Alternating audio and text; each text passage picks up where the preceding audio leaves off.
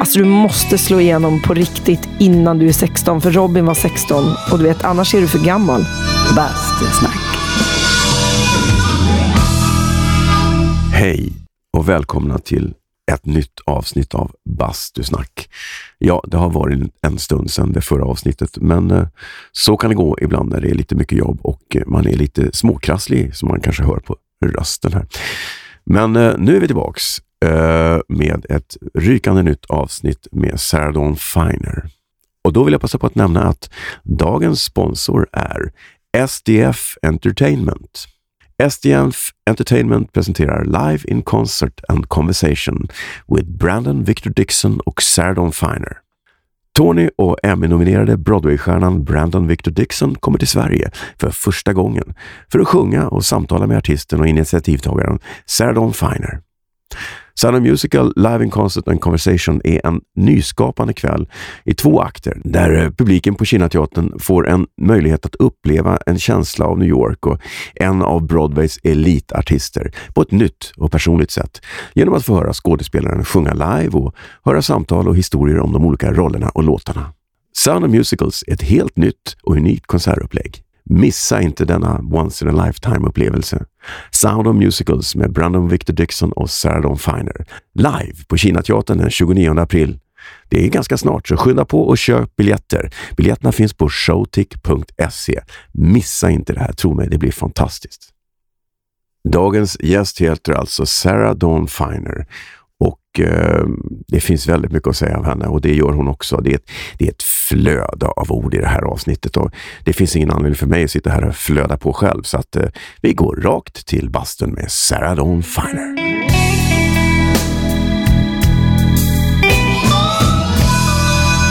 Bastusnack. Jag bara inleda med att hälsa dig jättemycket välkommen till bastun. Sarah. Tack så mycket. Säger jag med en druva i munnen. ja, det är väl bra. Det är praliner och druvor. Ja, ja, men det är inte champagne den här gången. Nej. Det är champagnefri dag idag. Ja, det är väldigt många champagnefria dagar faktiskt. Är det så? Mm. Okej. Okay.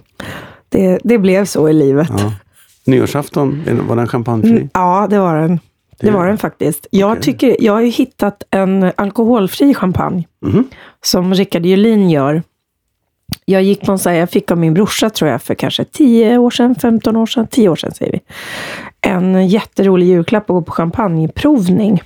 Oh. I och med att det var något som han visste att jag tyckte om. I och med att jag dricker inte jättemycket och inte så ofta, men det tyckte jag om. Oh. Och då gick vi hos honom eh, på eh, Operakällaren, under Operakällaren.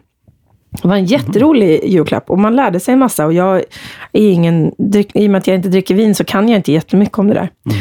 Um, och då fick jag också höra att det var den renaste formen av alkohol. Och, och även uppiggande. Och då tyckte jag, men då kan jag ändå fortsätta dricka champagne. Så då lärde jag mig mycket om champagne eh, den kvällen. Och han, den killen, Rickard, han gör ett jättegott alkoholfritt alternativ. Mm. Så det funkar väldigt bra. Vad heter det? Det, här är inte det heter samma sak. Okay. Alltså Rickard Julins Non-Alcoholic mm. Sparkling finns på systemet. Och det är verkligen så här, vi är många i min familj som inte dricker och det är väldigt bra just vid till, lite finare tillfällen när mm. man liksom inte bara vill servera juice Nej. eller något sånt. det är liksom det enda det finns ju jättemycket roliga grejer nu med så här jo, fläderblomsgrejer och ja. fantastiska ja. ginger beer som är en favorit och sånt där som Men också är alkoholfri. Jag, jag snackade med, en, en, eh, med Ola Salo faktiskt om, om nu före jul. Om så här, veganska julbord och mm. alkoholfria. Mm. Han, han hade lyckats göra typ så här, han hade lyckats göra sill Ja, det är eh, Han har lyckats med konsistensen. Jag har inte, jag har inte hela, lyckats med sill. Nej. Men det är mest för att det är så många som inte tyckte om sill, även när vi åt sill. nej, så nu, men jag gör ganska mycket veganska alternativ. Förra året gjorde jag veganska köttbullar och vegansk rödbetssallad mm. och vegansk... Eh, jag, eh, till vegetarianerna griljerade jag halloumi. Det blev svingott. Mm. Eh, och massa olika sådana vegansk Jansson och sånt Men hur gör... För vi kom fram till att det som ingen har lyckats med hittills, det är snapsen. Att den ska bli vegansk? Nej, alkoholfri. Jaha, nej. Nej, det, det är väl för inte han det. Han jobbar på... För jag har haft så här kräftskivor med, med kompisar som både dricker alkohol och kompisar som inte dricker alkohol. Alltså blandat. Mm. Och då, alkoholfri öl kan ju vara kanongott. Ja, verkligen. Men det hör lite till med kräftorna. Men snapsen, Då blir det liksom alltid något litet surrogat.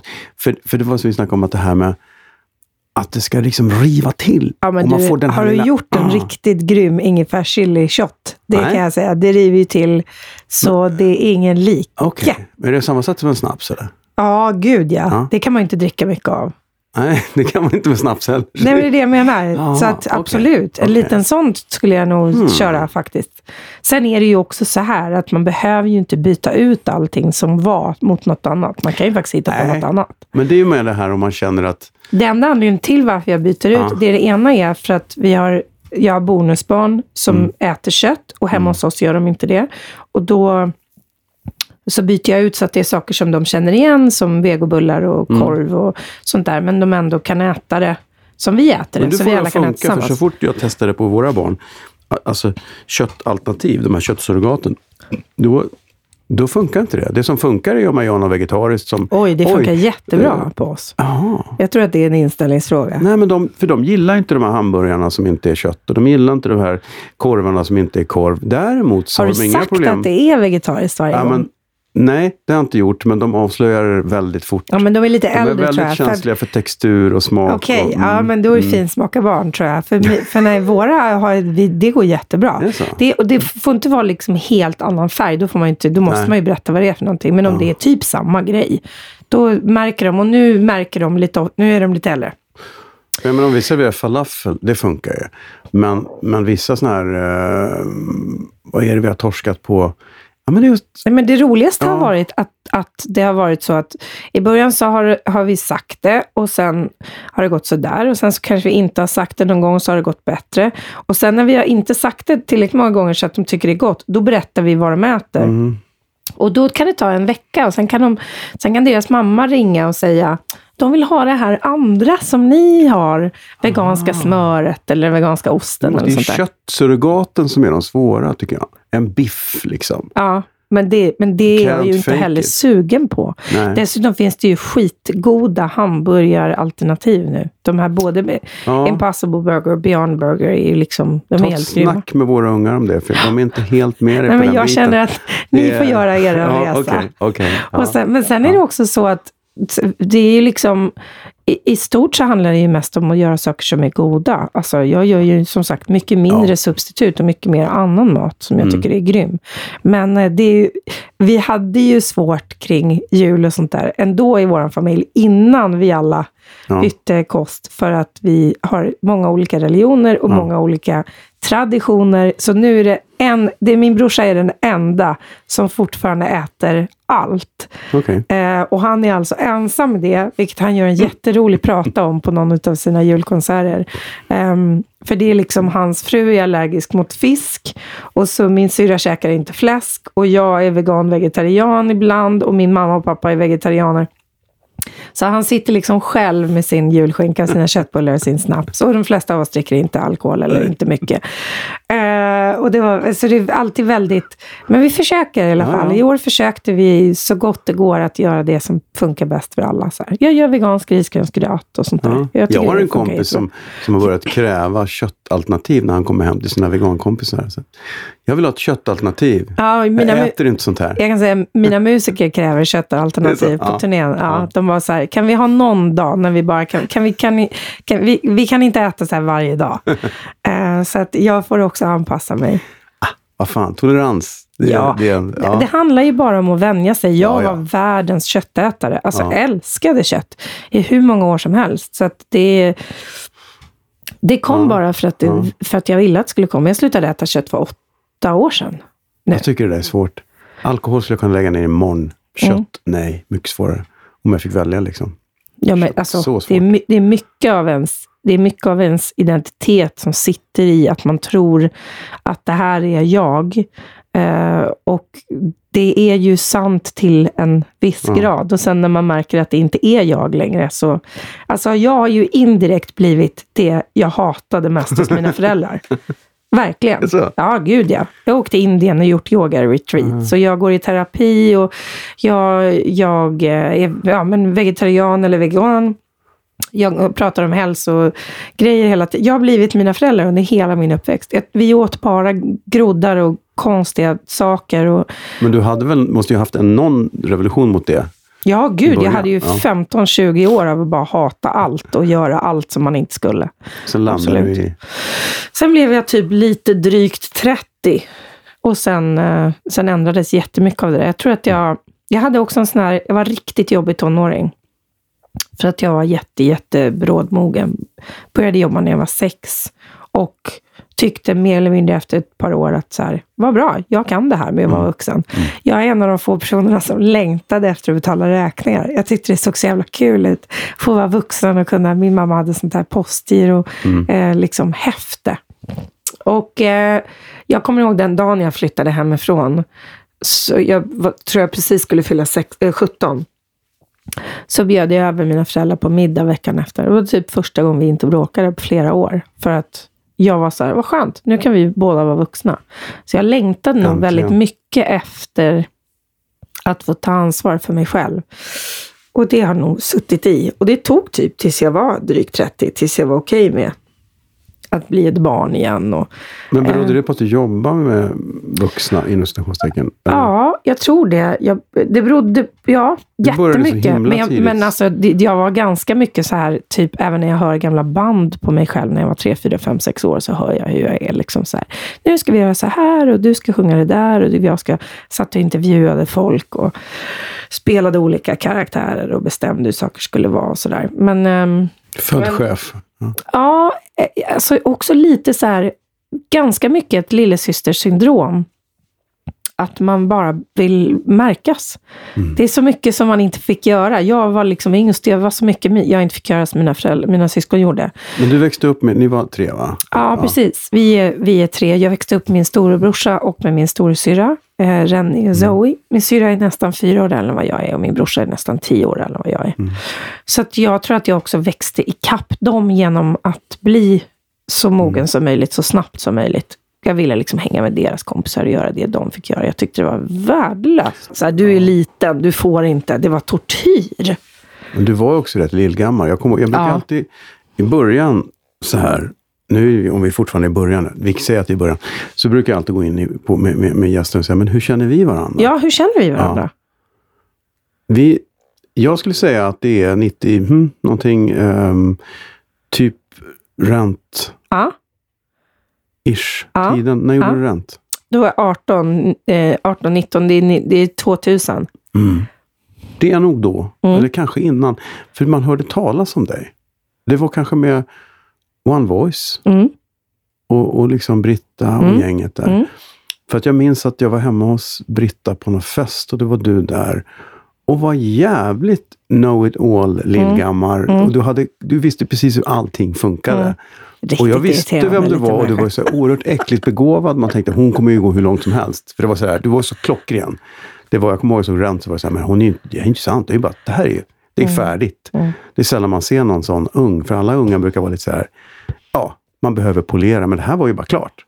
Det var helt, det var knäckande faktiskt. Man tänkte, men shit, det här kommer ju gå jättebra. Men du var också, ja, lite jobbig kanske. Åh, vad roligt. Genuint ärlig också. Ja, ja för du, du visste ja. mycket. Eh, Det, var, det var, var roligt det var att höra någon som såg mig där första gången. Det, var, Ja. det har jag sällan hört en berättas om. Vad kul. Ehm, jo, men jag var det. eller- eller ja, men Ja. överhuvudtaget Ja. när någon säger att de såg en första gången, det är sällan man får höra det.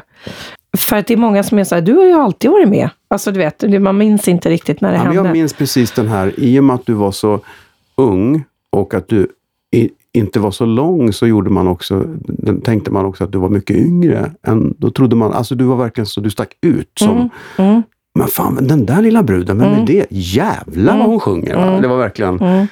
Nej, men jag var var... kom hon ifrån liksom? I, I efterhand så har jag ju förstått nu när jag träffar mycket yngre människor och Mm. har tonåringar och så i min närhet väldigt mycket. ehm, att jag, det är ju...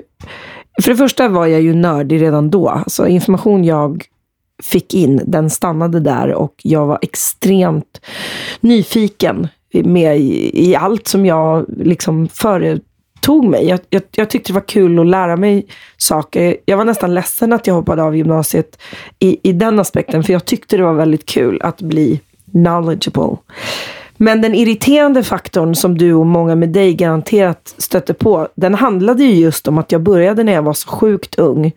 Så att det var, så, det var en sån osäkerhetskänsla hela tiden av att man skulle bli påkommen att man inte kunde någonting och att man inte skulle få något mera jobb. Så jag tror att jag blev så mån om att liksom på något sätt alltid vara superförberedd, alltid kunna mycket, alltid ha en, ett svar eller en lösning.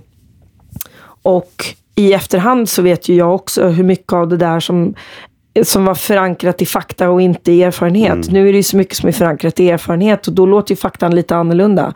Men, men mycket av det var just så här, jo men så här är det. För det har jag lärt mig. Men jag har inte lärt mig det för att jag har gjort det. Mm. Jag har lärt mig det för att jag har förstått att det är så det funkar.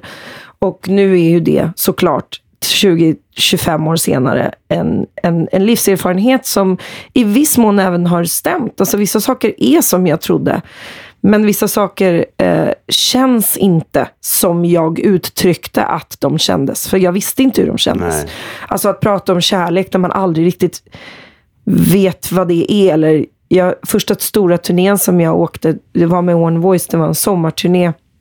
Jag var 13 och vi åkte med Svante Turesson och Cindy Peters och Victoria Tolstoy och, sin, och eh, Anneli Rudé. Och jag blev kompis med jättemånga av de här människorna och jag var galet mycket yngre än alla. Och jag minns hur jag satt på kvällarna som nykter såklart, för jag var ju yngst, så jag drack mm. ju inte. Och pratade med folk om sina relationer och fick höra jättemycket trauman och ångest och skilsmässokaos och sånt där. Men också var den som sa, men skulle det inte kunna göra så här? Och det kommer ju såklart ifrån mm. att min mamma är terapeut. Och att det är ett väldigt så här, amerikanskt, New Yorkiskt sätt att konversera, tror jag. Men också för att många anförtrodde sig mycket till mig när jag var väldigt, väldigt mm. liten. Alltså på dagis. För att jag var så brodmogen. Jag blev liksom lärarens hjälpreda eller teaterregissörens ass. Eller, och jag tror att den grejen gav mig a sense of belonging. I, I, mm. I was needed in a social um, sammanhang. Så jag fastnade nog där. Och det mm. vet jag är en egenskap som garanterat många människor störde sig på när jag blev lite äldre. Att jag liksom fortfarande hade kvar den där fastän mitt liv egentligen mm. inte hade lärt mig det jag pratade om. Jag var mest, jag kommer ihåg att man tänkte att bara det inte händer henne något nu, att det är någon lurar henne på, liksom att, just för att du var så ung, så mm. tänkte man shit, hon kan ju hamna i klorna mm. på fel snubbe mm. här. Mm. Men det gjorde du inte, vad jag vet, eller? Nej? Jag vet inte. Alltså det är klart att det hade kunnat gå otroligt mycket mer illa. Jag var inte så... Mer illa? Ja, men alltså det, det, hade kunnat gå illa på riktigt. Ja. Nu är det ju så här att den erfarenheten jag pratar om, den var ju inte alltid kul, men Nej. den var också nödvändig. Mycket mycket kanske jag hade kunnat undvikit mm. om jag inte sprang med huvudet före och hade så bråttom att bli vuxen. Men samtidigt, då hade jag inte suttit här och varit den jag är. Jag hade inte skrivit låtar på det sättet jag har gjort. Jag hade garanterat aldrig sjungit som jag sjunger om jag inte hade den historien att berätta Nej. någonstans. Så att jag kan liksom inte ångra det, men jag kan absolut ibland känna att framförallt för så här, fem, sex, sju år sedan så kunde jag känna, shit vad mycket sorg. Vad mm. mycket år av, av liksom svårigheter. Det är alltid konstigt för folk att, att, att förstå det när man inte är liksom mina föräldrar har inte lämnat varandra, ingen är död. Jag är inte uppvuxen liksom, i någon så katastrofalt hem. Men jag hade en jävligt jobbig resa ja. med mig. Ja. Och den är liksom inte klar. Men det är ju lite orättvist också när du började jobba så tidigt och hamna i de här sammanhangen eh, bakom scener och i loger som är vuxna. Ja. Där man egentligen inte ska vara då. Det ska man vara lite senare. Ja. Alltså, och det, I och med att du hamnar på turnéer med dem och folk ser ju såklart till att du inte dricker massa sprit. Men du kommer ju ändå utsättas för saker som är... Var med om grejer. Även Frans, inte, framförallt framför prestationsmässigt ja. så hade jag ju ingen barnslig relation till prestation. Nej. Jag presterade ju som en, en mm. vuxen artist jättetidigt. Och det satte sig väldigt hårt på mig i, i, i, mitt eget liksom så här självhatsbeteende. Att jag aldrig tillät mig själv att vara dålig på saker, på, alltså ja. jobbmässigt. Eh, som jag måste... tror man gör om man har lite mer självförtroende i sin talang kanske. Ja, det är inte så många som har det, tycker jag. Men, men de flesta är ju ganska alla går runt och, sen, och, och känner sig som kejsaren nya kläder hela Ja, tiden. Tycker ja. jag. Man, när man väl pressar dem lite grann. Men det måste ju varit några år när det gick väldigt fort. Ja, det gick När det väldigt fort. började efter där, när det började svischa till. Alltså tack och lov så blev jag ju inte känd. Nej. Och det är ju skitbra. Nej, det var man ju lite, För ja, fan det var jag vad det hade varit förvånad jobbigt. över att du inte blev. Ja, det var många bara som blev. Ja, Det var det jag nog fick väldigt- höra, ja. typ mellan 15 och 25. Så den vanligaste repliken jag fick höra Varför Hur det- är det möjligt att du inte har slagit igenom än? Fast det Eh, ju, men gud vad var skönt bra, det var. För då hade du varit Det hade varit... fullständigt olidlig att göra med idag, tror jag. Nej, du, nej, jag tror inte jag hade haft en karriär. Nej, jag tror jag hade kraschat ganska Ja. snabbt. Jag hade gått så snabbt, så hårt och trott att jag behövde vara någon så mycket så jag Ja. hade det aldrig orkat. Aldrig, Nej, aldrig, aldrig. Jag tror inte det. Jag, jag, olidlig tror jag inte. Jag har, jag har liksom, Jo, men får man ingen motstånd nej kanske, nej så, så- motstånd har jag så fått i tror hela man mitt att liv. allting kan, ja, men man får det, man får det och så plötsligt så... Men det är också Ja. en, en, Ja, jag tror du vet vad jag menar, men jag Ja. inte riktigt... eh, Nej, men jag tror att jag har, jag, har, jag har ju aldrig varit en sån person som det har gått bra för. Bara så här, för Nej, att. nej. Aldrig. Jag har ju slitit som ett djur för allt som jag har gjort.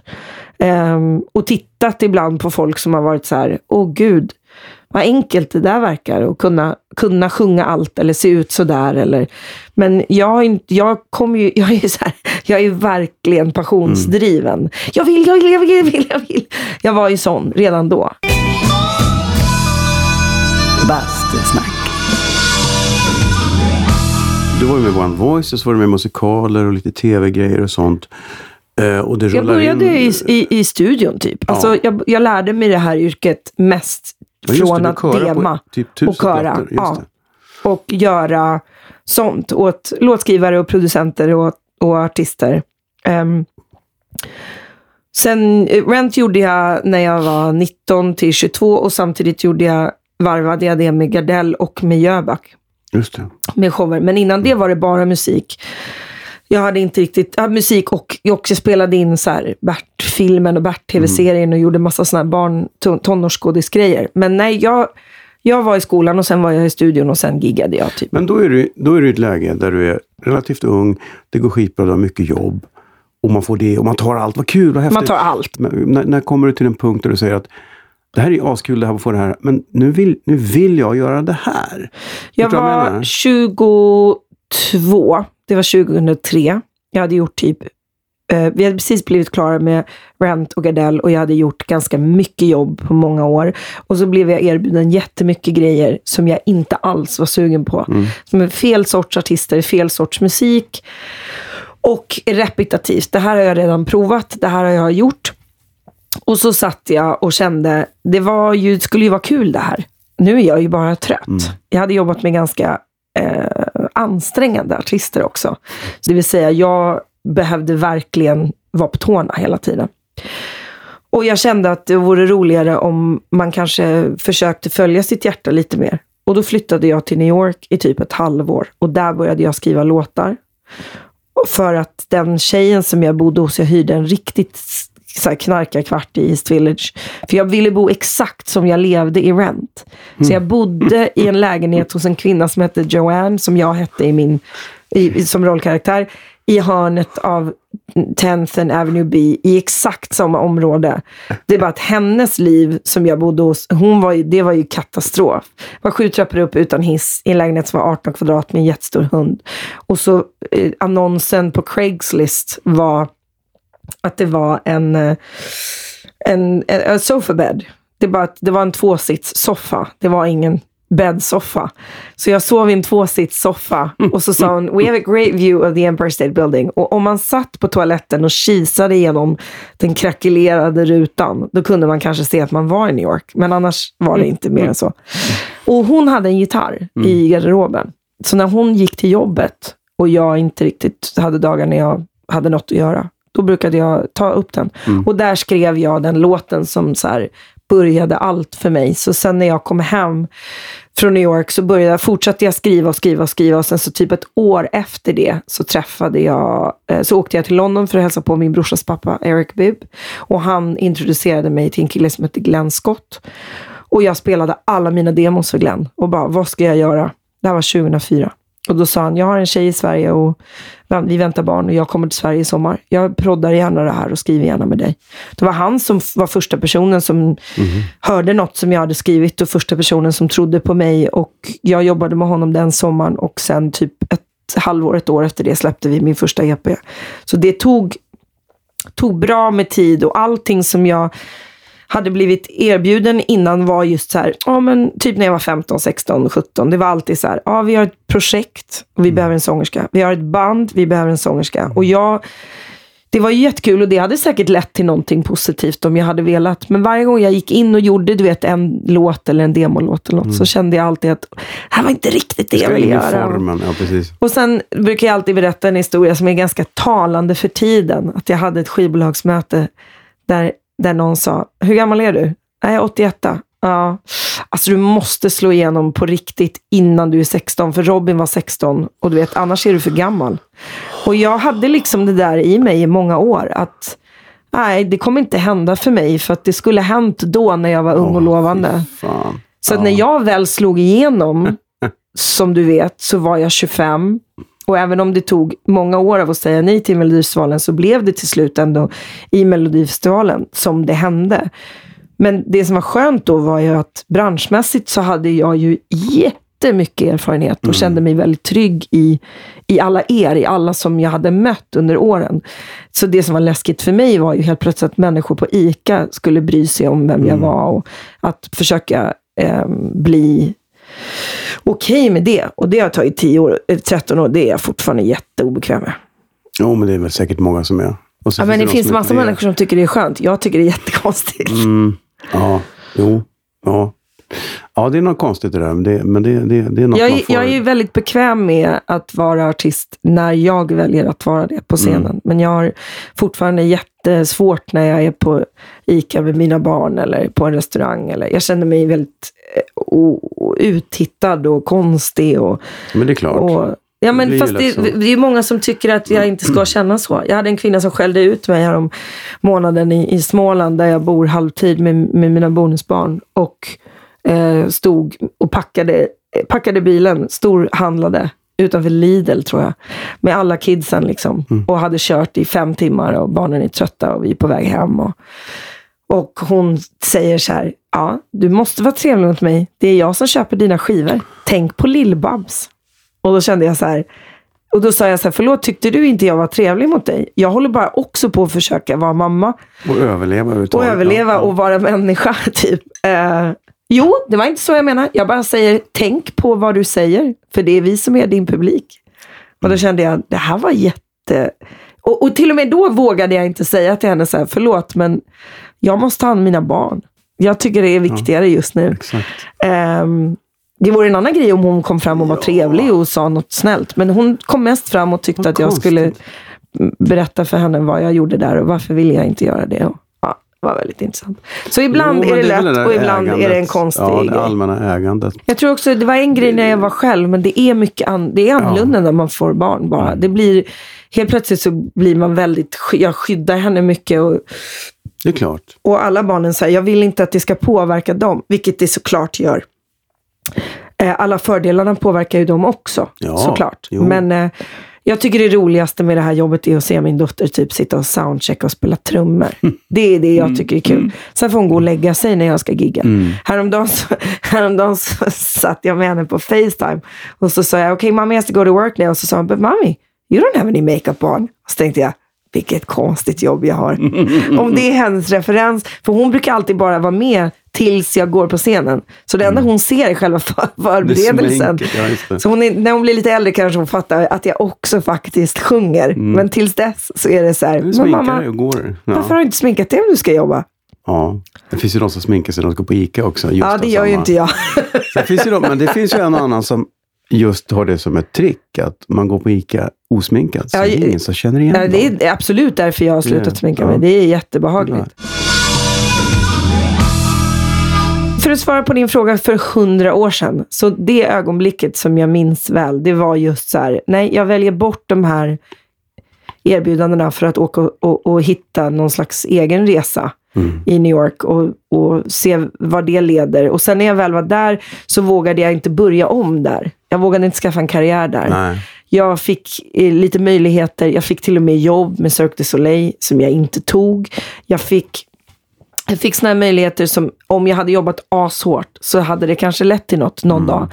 Men jag kände att jag ville inte börja om. Jag hade grävt och kämpat så mycket för att komma dit jag hade kommit till Sverige. Och det kan jag ju absolut idag ångra. Alltså jag skulle bara stannat kvar. Det hade ju varit... Känner du det? Ja, för att så, även om det ja. inte hade blivit någonting så hade jag ju aldrig behövt fundera på vad som hade hänt. Nej, jag hade, jag hade ju lärt mig skitmycket av att stå och spela tio föreställningar i veckan i Las Vegas med Cirque du Soleil. Jag hade kanske lärt mig att det här var inte något för mig. Nej, och då hade du kommit hem till Sverige och så hade du plötsligt varit bortglömd och fått börja om här. Men ja, men jag hade ja. också kanske bara vetat att Nej, för i min värld nu, jag, när jag går och tittar, det är många som frågade när jag gjorde, jag gjorde ett musikalprogram mm. förra året på ST. Så det är jättemånga som frågar så här, åh gud, varför åker du inte över dit? Så här, ett, jag orkar inte, alltså jag kan inte rent mm. fysiskt sjunga 8 till 10 föreställningar i veckan. Jag, min röst klarar inte det. Eh, långt innan jag blev sjuk så klarar den inte det. Det är livet som man måste leva, den disciplinen de har, den den har inte jag idag. Jag kanske hade kunnat skaffa mig den när jag var så ung, för då var jag extremt disciplinerad när det kom till jobb. Liksom. Eh, men nu har jag ju ett helt annat liv, där det skulle behöva skjuta bort hela mitt sociala... Men det är ju stenhårt, både i West End och Broadway. Det är svintungt. Alltså, om, liksom. om du inte är, är stjärna så tjänar du inga pengar heller. Dessutom. För att konkurrensen de flesta är så bor ju enorm. i en fyra ja. roommate-lägenhet någonstans. Så det är inte så att jag sitter hemma och tänker så här, åh jag hade kunnat bli någon. Inte alls. Men jag har också aldrig riktigt varit med om att få testa den nivån mm. av, så här, så här, jag vet inte om du känner så, men jag tänkte ibland att, men tänk om jag hade gjort Cirque du Soleil och så två år senare så kom Celine till, till Vegas. Ja, mm. Tänk om jag hade fått köra med Celine. Eller tänk om man får åka och köra med Sting på en, på en världsturné eller någonting. Skulle det vara hundra gånger svårare än det vi gör? Eller Nej, är det samma sak? Jag tror inte det. Alltså, redan nu så jobbar ju både du och jag på en nivå som jätte, jättemånga skulle ge både sin högra och vänstra arm för att få göra. Men när vi kommer ner på jobbet och jobbar med de här du jobbar ju, herregud, du har ju en förmåga att ha band som är the shit. De, de här klassiska... Där lägger jag ju all, alla mina, pengar, alla mina ja, pengar. Ja. Men du märker du att när man kommer in och jobbar med dem så är allting bara avslappnat och jättekul. För när man, när man höll på sådär, var i tonåren, kanske skulle söka, jag hade någon period när jag skulle söka Akis, och man trodde att allting, oh, läser man inte allt Prima Vista första ja, gången exakt. så får man inga jobb. Mm. Oh. Och sen upptäcker man att äh, folk kommer in och garvar, de, mm. men kompetensen är svinhög. Mm. Men det är jätteavslappnat. Det är därför jag blir så förbannad när jag ser, nu var det länge sedan jag såg det, men jag kommer ihåg att jag såg Idol. När, när det var någon jurymedlem som sitter och säger, ja men du måste klara det här, för så här är den här branschen, det är tufft här, det är bara... Så man, Nej, men du har ju skitfel. Ja, det är en tuff bransch, men sluta. Folk går inte in och sågar dig så här i jobbet. Nej, inte i Sverige. Don't work that way. Nej, Nej. precis. Men jag, det, jag tycker synd om just idolartisterna ofta, för att de får liksom en snedvriden bild av vad det egentligen handlar om. För det här sköna ser jag liksom aldrig, utan de är bara stressade och nervösa hela tiden. Liksom. Men jag tror också i, i, i det stora hela att att den största skillnaden där borta, i de, i de större sammanhangen, är hierarkin. Oh ja. Det vi inte mm. har i hierarkin. Och jag ska bara förklara det för folk som då inte gör det vi gör. Att så här, i våra sammanhang så är, är liksom att prata med alla i produktionen, det gör vi väldigt enkelt. Det spelar ingen roll om det är regissör, eller producent eller artist. Eller, det spelar ingen roll. Eh, när jag bara har hälsat på där borta i de där världarna så är det otroligt svårt att gå förbi de där leden. Du får inte, du bör inte, du ska inte. Vilket gör att vårt sätt att arbeta är väldigt konstigt för folk när de kommer hit. Att vi alla umgås, att vi alla är kompisar. Och det enda som är svårt med det är att våran arbets... Alltså alla är svinbegåvade. Men vi producerar inte på samma nivå. Alltså vi har inte lika mycket projekt igång. Vi skapar inte lika mycket för vi är inte så här, vi är inte eh, Folk har ett liv. Folk säger så här, mm. nej jag går hem till min familj nej, nu. Det finns ingen och piska det, det finns ingen nej. piska. Och nej. där borta finns det ju det. Och det, gör ju att, och det gör ju att många av oss har valt bort det för att vi vet att vi kanske inte skulle må så bra under den piskan. Sen vet ju både du och jag att våra kompisar som har gjort det skapar ju fantastiska grejer och oh ja. kan ändå leva jättebra liv. Så det är ju också en inställningsfråga. Men jag tror att det jag tänker när jag säger så här, skulle jag klara det? Det är så här, och vem, hur, bra, hur bra skulle jag kunna bli om jag hade övat de där 10 000 timmarna på min gitarr? Mer än att bara spela mm. utifrån det jag klarar av på giggen. Liksom, spela mina egna låtar. Det vill säga, släng upp mig i ett sånt sammanhang i tio år. Hur bra hade jag kunnat bli? Eller vad hade jag kunnat åstadkomma? Det är jag nog mer intresserad av. Inte om jag hade kunnat bli framgångsrik Nej. eller om jag kunnat få en stor karriär. Utan så här, shit vilken disciplin de har. Alltså jag blir mm. knäckt när jag, när jag intervjuar vissa av de här människorna och förstår den oerhörda disciplinen som går in i att bara vara artist en helt vanlig dag. Mm. För att du har tre auditions, sen har du ett extra rep, sen har du en föreställning, sen har du en, en filmdag och sen måste du spela igen. Alltså, det, det är bara ett, ett annat... Jag, jag, jag tänker alltid så här när jag ser typ Beyoncé på tv. Okej, okay, det är kanske lite känsligt, eller tjejigt. Men jag tänker alltid så här, har hon inte mens? Jag tänker så här, har hon inte en enda dag när hon bara inte funkar? Det är så många gånger jag har suttit och gråtit i loger där hela mitt liv har varit katastrof. Jag har haft ryggskott, jag har haft du vet, seriösa jo, livsproblem. Hon har säkert det, men det syns inte. Men det syns ju nej, inte nej, på nej, henne. Men jag har jobbat med svenska artister som är så också. Som i, jag med, i logen jag, är de vrak och så går de upp på scenen och alla bara, Och jag förstår inte ja. riktigt det heller. Inte på den nivån av att du vet att du gör 136 Nej. gig världen om och om du inte ställer upp så är det så här ett par miljoner som mm. du går back. Och jag undrar hur, hur, jag tror att disciplinen är det som gör skillnaden där. Men det här som du säger också med hierarkin tyckte jag var jobbigt. Jag har jobbat med, med en produktion där det var engelsk cast och, och engelska dansare och, och engelskt scencrew. Och vi, rep vi repeterade i London. Och det var jävligt kallt. Var liksom, mm. Kan man inte fixa värmen? Mm. Och så dansarna fryser, de, de, de skadar sig. Nej, men det finns ju te som de kan dricka. Mm. Dansarna var ju så här, de var inte vattenvarma. Nej. Äh, det är lite kallt här. Ja, men ge dem lite te så blir de varma. Och det var... Sen är det åt andra hållet. Vi hade en engelsk regissör här som jag kommer ihåg första repdagen kom till mig och sa I don't understand. Why don't people know the songs and the mm. lyrics? Mm. Mm. Och jag bara, I don't know. Varför kan jag det? För att jag har lyssnat på det. Mm. Jag brydde mm. mig nog och, och, och kunna det innan jag kom hit. Men ingen säger att vi ska Nej. det. Och det är också skillnaden, att vi kan också ha en, en tycker jag, en lite högre arbetsmoral ja, i det här landet. Jo. Där man faktiskt, så här, vi har fem veckor rep, men det vore toppen om vi hade åtminstone två veckor av dem där ingen du vet, bemödar sig att titta ner i papperna. Mm. För att vi har lärt oss det innan vi... Alltså det tar sån tid. Ja, men det är ju mer styrt av artisten tycker jag i Sverige. För att det finns ett par artister som både du och jag har jobbat med som är... Man vet att på första dagen så sitter Om din du inte kan det kan så inte det, åker du ut. Så, kom, så kommer mm. de bara, bara titta på det Men jag bara menar, kan man inte ja. vara sån utan att vara arg och otrevlig? Och, och för, för de artisterna är man ju rädd för. Ja. ja. Jo. För det håller med ja. dig. Det är, med... ja, men det är en respektfråga tycker jag. Precis som det här med att komma i tid. Om, om, om, eller, men om jag har lärt mig den här texten så kan väl du göra det också? Kan du inte komma förberedd?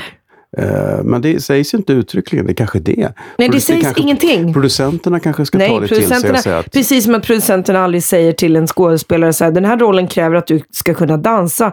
Nu har du ett år på dig, varsågod mm. och ta lite danslektioner. Mm. Det är liksom, det, det, det, är det första jag frågar en producent. Så här, vad vill du att mm. jag ska mm. leverera? Vad, vad kräver du av mig? Mm. Och, det, det, och också kunna vara ärlig och säga så här, det här kommer jag kunna klara av. Jag kan inte sjunga de här tonarterna. Om du vill ha någon som sjunger de här tonarterna så ska du inte ta mig. Mm. Och sånt har jag suttit med diskussion efter diskussion. Så här, men vi måste veta om du kan säga ja. Jag måste först veta om ni är okej okay mm. med att jag inte klarar de här mm. sakerna. För att annars är det helt okej okay för mig om ni tar någon annan. Nej, för det är inte läge att stå där och så säger de, kan inte det Kan inte du Nej, Nej, och det är så många gånger jag har sagt det och blivit lovad det och sen så har de inte berättat det för kapellmästaren. Så kommer man första repdagen och så har de inte sänkt någonting. Mm. Och så bara, jaha, nej det var... Så vet, så har de bara velat säga ja till mig så jag ska säga ja och sen har de inte förankrat det i produktionen. Det är typ mitt värsta i alla kategorier. Jag vill, jag vill alltid att allting ska vara förankrat med alla ja, ja. människor som ska göra det. Det är det som är erfarenheten. Ja, tycker jag. Ja. Att, att, man är... Det man är, och att jag är, tror att vi, vi, vissa människor bryr sig mer om helheten. bara. Men är inte det också erfarenheten som gör att man, man vet hur fruktansvärt mycket som kan gå fel? Ja. Så att man blir mer och mer pedant på Ja. att, att lösa sin egen skit åtminstone. Så att man, det, Min tänker, vanligaste fråga till alla är, Ja. har du också sagt det här till crewet eller Mm. bandet? Eller vet de också?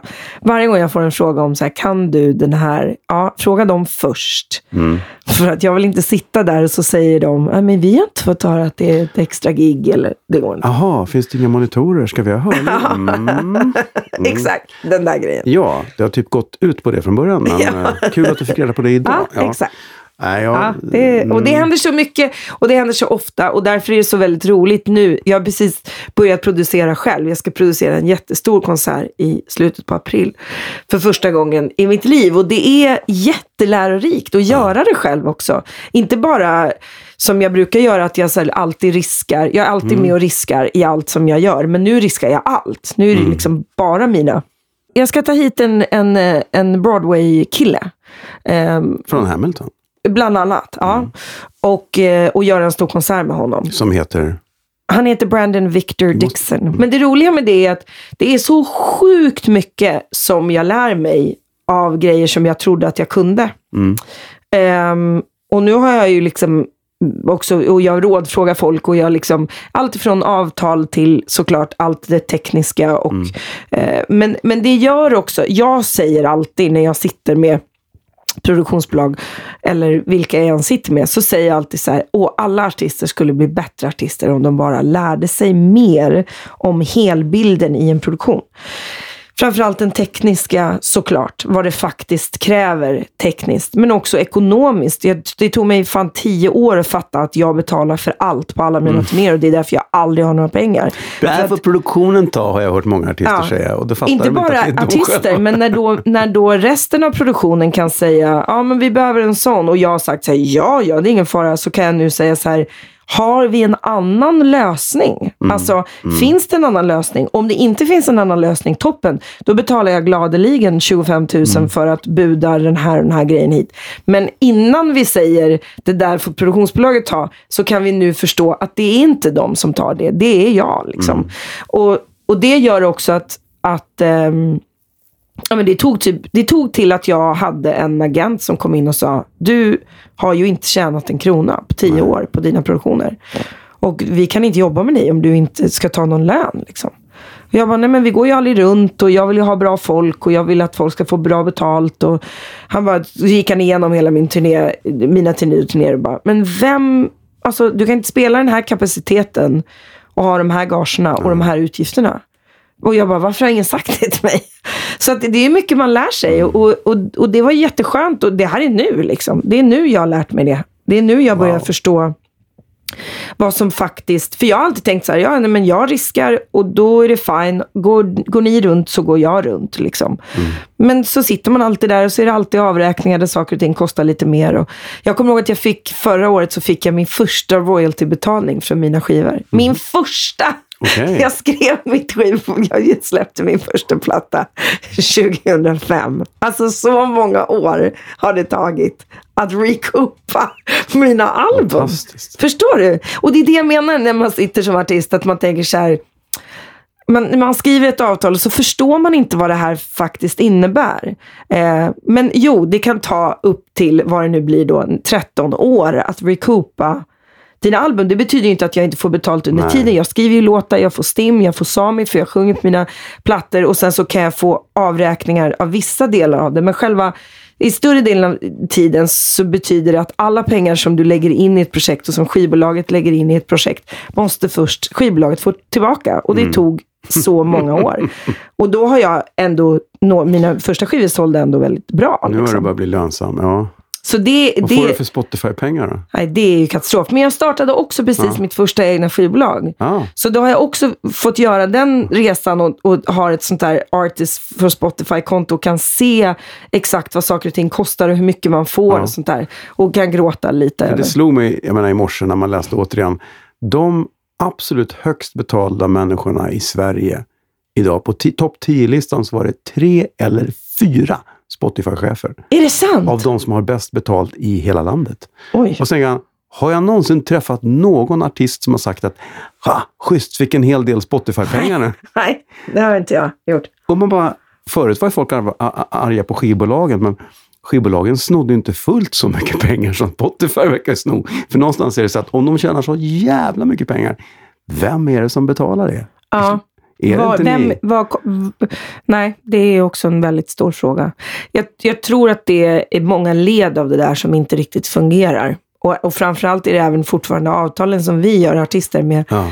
Hur, hur länge kan det fortsätta vara så att de, alltså, det är brutalt Sen är det också väldigt snett, många va? som tror att man behöver eh, väldigt mycket eh, som man inte längre behöver. Alltså, Mm. Eh, Lex, jag kunde de facto på två, tre dagar släppa egen musik. Mm. Sen gjorde jag ju det på stenålderssättet. Jag hade med mig mitt band, jag hyrde en studio, jag mixade låtarna, mastrade dem. Jag har riktiga musiker, jag har inga datorer på, alltså inga elektroniska instrument. Skulle jag göra en elektronisk skiva, då hade ju producenten själv, eller jag som håller på att gå en producentutbildning, jag hade själv kunnat mixa det och så. Nu har inte jag gjort det och då blir det mycket dyrare och då kostar, då, då kan du inte recoupa på samma sätt. Såklart. Men jag tycker det är, jag låter kanske töntig, jag säger det igen, men jag tycker det är skitspännande att lära mig. Men jag kan också känna att när jag träffar en ung artist så känner jag så här, åh, vad jag skulle vilja att att du visste så mycket av det här redan nu. Och apropå det, det vi pratade om tidigare med vem jag var när jag var ung. Jag märker att när jag träffar unga artister som slår igenom, som jag sa att jag då inte gjorde och jag är väldigt tacksam för det, så får jag ett väldigt moderligt ansvar. Det är jättemånga gånger jag har träffat folk som har varit unga, som jag känner så här, nej, det där är fel personer. Och det, jag blir liksom rädd för jag ser hur snabbt det går att, att de fokuserar på fel saker. Ehm, och, och, och, ja, det går inte att göra någonting åt. Men jag tror att jag hade behövt jag hade behövt mer sånt när jag var ung. Någon som bara sa så här, det är lugnt, ta det lugnt. Jag, jag tittade på mina föräldrar när jag hoppade av gymnasiet och, och fick en turné med Erik Gadd. 94 gig, en sommarturné, en vårturné och en höstturné på samma år. Och så sa min mamma, "Du- måste stanna i skolan. Och sa jag, mamma du förstår inte, jag kommer aldrig få något jobb igen om jag säger nej, Nej. till det här. Exakt. Jag var så övertygad. man-? Ja. Mm. Och jag har varit så övertygad. Senast när jag blev sjukskriven så var, gick hela mitt liv sönder. Jag kommer aldrig någonsin kunna jobba igen. Jag kommer aldrig ha möjligheter igen. Vem kommer jag vara om jag aldrig ska jobba? Alltså allt det där, hela den där identitetskrisen var helt den var ju- katastrofal. Men det måste man ändå säga att det är inte så konstigt med tanke på att rösten är ju ditt instrument. Och har du inte rösten, då är det ju, alltså det är som en pianist utan fingrar. Ja. Vad fan ska jag nu? Den, Vem är kan, jag då? Ja, men den kan jag verkligen förstå. Men ja, det är klart, det är inte bara inkomsterna. Det handlar om du som person. Ja, jag finns, vem, vad har jag för värde Nej, för om är jag inte är den så- personen? Liksom? Nej, vår bransch är ju också väldigt mycket så att man är sitt yrke. Mm.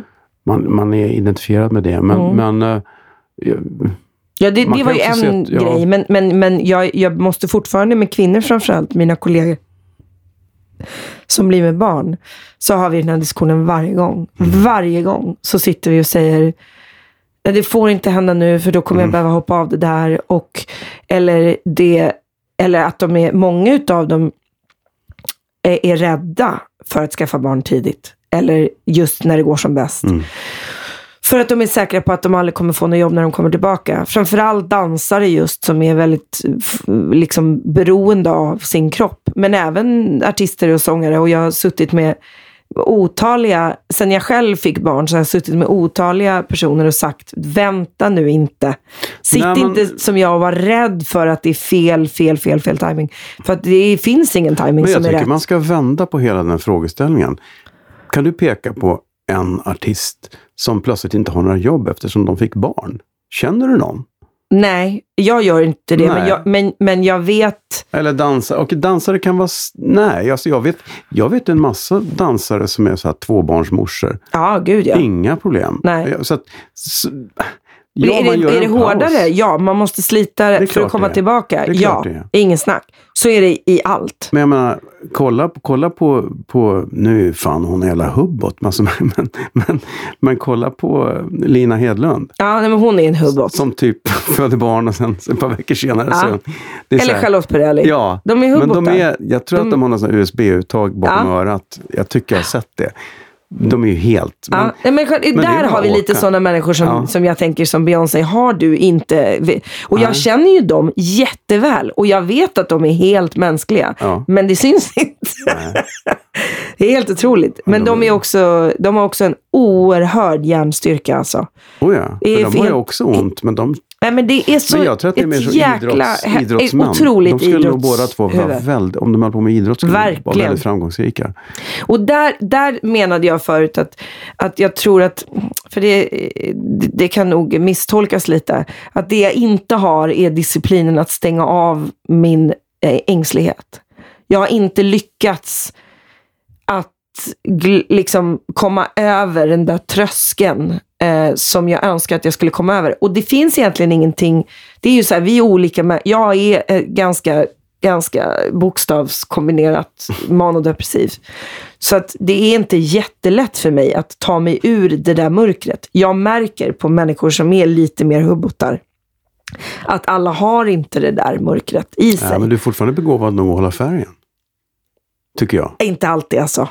Ja, jag har inte, men okej, vi har inte hängt så mycket på Nej, jobb. men menar- Men, men, eh, alltså, då menar jag inte bakom sig. Nu, när, man kliver ut så känner man inte, ah, nu är det tufft. Du lyckas ju ändå. Aha. Du, Oj. ja, sen kanske det inte känns så, men jag tycker det, Nej. det har du. Jag tror du träffar mig när jag är lite gladare. Okej, faktiskt. okej. Nej, men jag är ledsen Ja, mycket. ja. Alltså jag är ledsen mycket. Mm. Jag, jag är rädd och orolig och ledsen mycket. Jag har också jättemycket driv och passion och är pepp och liksom eh, men men jag, jag, jag tycker det är svårt alltså. Jag, tycker, jag, jag är så jävla sällan nöjd med mig själv. Så jag tror att en av de roligaste sakerna för mig de senaste åren, eller de roligaste sakerna för mig de senaste åren har varit just att typ göra tv-serien eller att producera andra saker och så. Därför att jag är så är fan, alltså det är så mycket roligare att skapa något Mm, som inte har så mycket med mig att göra. Ja. Alltså, där jag inte, även om det är jag som är chef för det och jag som ska driva det så drivs det av min kärlek och min passion och inte lika mycket av min prestation tror jag. På samma sätt som jag känner att det måste göras för att stå på scen. Eh, jag, tycker, jag börjar tycka det är jobbigare och jobbigare att stå på scen. Mm. Jag har haft några år av, efter den här sjukskrivningen, som där allting, det har bara tagit tid. Det Mm. har tagit tid att komma tillbaka. Det har varit sån oerhörd osäkerhet i att också rädslan att hamna där igen. För jag vill aldrig hamna där igen. Nej. Och då är det fan svårt ibland när man ställer sig på scen. Därför Det är det är så mycket som måste klaffa för att jag ska vara lugn. Det är som, jag måste höra rätt. Jag måste, du vet, och det är inte för att jag inte kan, utan det är för att jag tänker inte göra så mot mig själv igen. Och då, och då är det som att min tröskel, både efter att jag har fött barn och fått barn, andra barn, liksom, så att mitt liv är inte alls, jag kan inte bestämma när jag ska sova eller äta eller något sånt längre. Så efter att det försvann eh, och efter att jag blev sjuk så blev jag extremt hudlös. Och det märker jag skillnad på på scen. Och det är också fint såklart. Jag har haft många nära vänner som kom på min senaste turné och var så här, shit det är en helt annan person och det är så mäktigt och det finns så mycket tyngd och du så mycket roliga stories och du sjunger på ett helt annat sätt och du berättar saker med. Så självklart, jag har blivit äldre, det är klart det blir annorlunda. Men jag har ännu inte riktigt kommit i fatt att jag känner igen den personen. Och, och, och, det, och då måste jag också lite så här, det är lite sorgligt att att behöva säga hej då till någonting som jag inte riktigt visste när jag blev av med. Men det försvann. För att jag började bli lite försiktig. Alltså lite rädd om min själ, typ. Eh, och jag var sjukt orädd i många år och bara kastade mig ut. Och det var inte alltid jättebra, vare sig för mig eller människor omkring mig. Och nu är jag lite mer rädd om saker och då tror jag att jag såklart blir en annan sorts artist att ha att göra med. Men det, jag tycker det är intressant att du, att du tänker så vad det gäller jobbet och det. För att när vi började snacka så snackade vi om det här om man ser sig själv som köttätare eller, eller inte. och, och, och då kände jag lite att jag kanske inte klarar av att se mig själv som en icke-köttätare. Men du har ju uppenbarligen lyckats med det ganska bra. Utan att och då tänker jag att det kanske går att göra det, att du kanske lägger för mycket tyngd i det. Att om du bara går in och har Absolut. kul och tänker att det här är jag. Absolut. Du behöver inte lägga någon värdering i att du är försiktigare nu. För att du är vuxen och du kastar inte ut på det sättet utan du, du går ut och jobbar när du har koll på förhållandena. Ja. Och det är väl inget konstigt. Har du kul? inte- Ja. Så jag tror att du behöver Men jag lägga har så... liksom en bild av vem jag vill vara och jag har en bild av vem jag är. Och de två bilderna har ännu inte riktigt blivit Mm. kompisar med varandra. Nej. Men jag tror inte du ska fokusera så hårt på det. Nej, men jag tror att det är det inte, som är, ja. Mm. det är det som är liksom livets resa på något sätt. Mm. Och det, jag tror att det är det som är den här vackra balansen som alla pratar om. Det är den där dagen när man växer upp och säger, nej fan, fuck it, det här är jättebra. Fast Det- det, kommer du aldrig göra. Det, man gör inte det. Jag tror att du kommer att sitta här om 20 år och säga, shit, om jag bara visste då Garanterat. hur bra jag hade det. Nej, du- Garanterat. Ja, det ja. Så, sen, så, så känner jag ju, jag skulle aldrig leva om mitt tonårsliv. Nej. Det var ju ängsligt om något. Då tycker jag att jag livet är mycket bättre nu. Vi gjorde en julshow ihop på Börsen 2011 kanske, eller när det var 12, jag vet Mm. inte.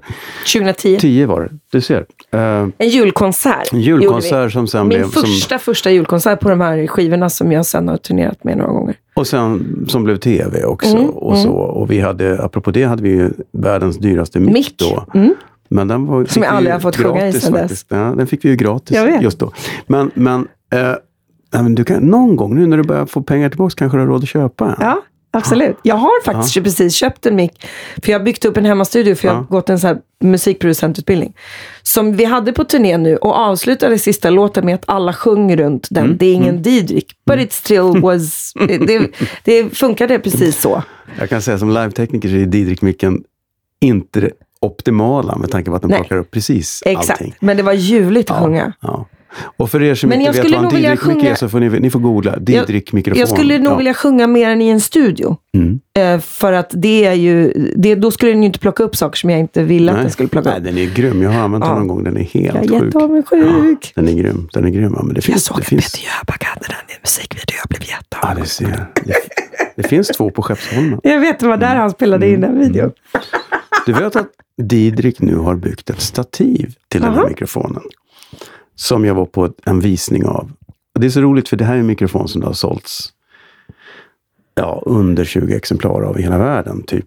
Jag kommer För er som inte vet någonting om mikrofoner så är den här alltså ganska stor i, en, i guldfärg och ser ut som en, en, en gammal mikrofon helt enkelt, som de såg ut förr i tiden.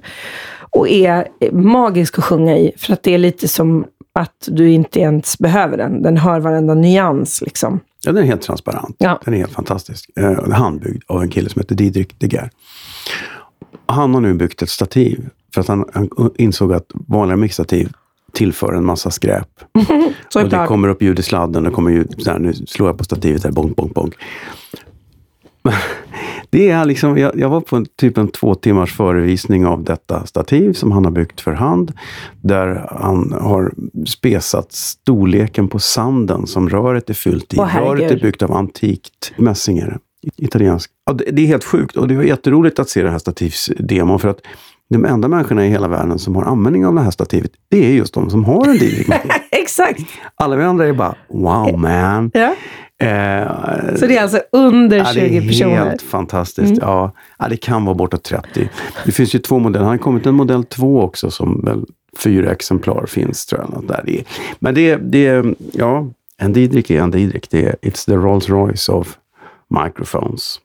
Jag skulle fråga någonting om den här julkonserten. Ja, men där, alltså du hade ju järnkoll på minsta lilla minidetalj. Va? Det skulle vara sådana där, man skulle hänga såna här där i taket och vi ville ha det här tyget så. Man vill ha, det, det, är det för att du tycker det är kul eller för att du inte litar på att det blir bra om du inte gör det själv? Jaha, nej. Jag, jag har en... eh, Jag visste inte att jag var sån då. Ehm, jag har ju jättebegåvade människor som jag jobbar med, som Mm.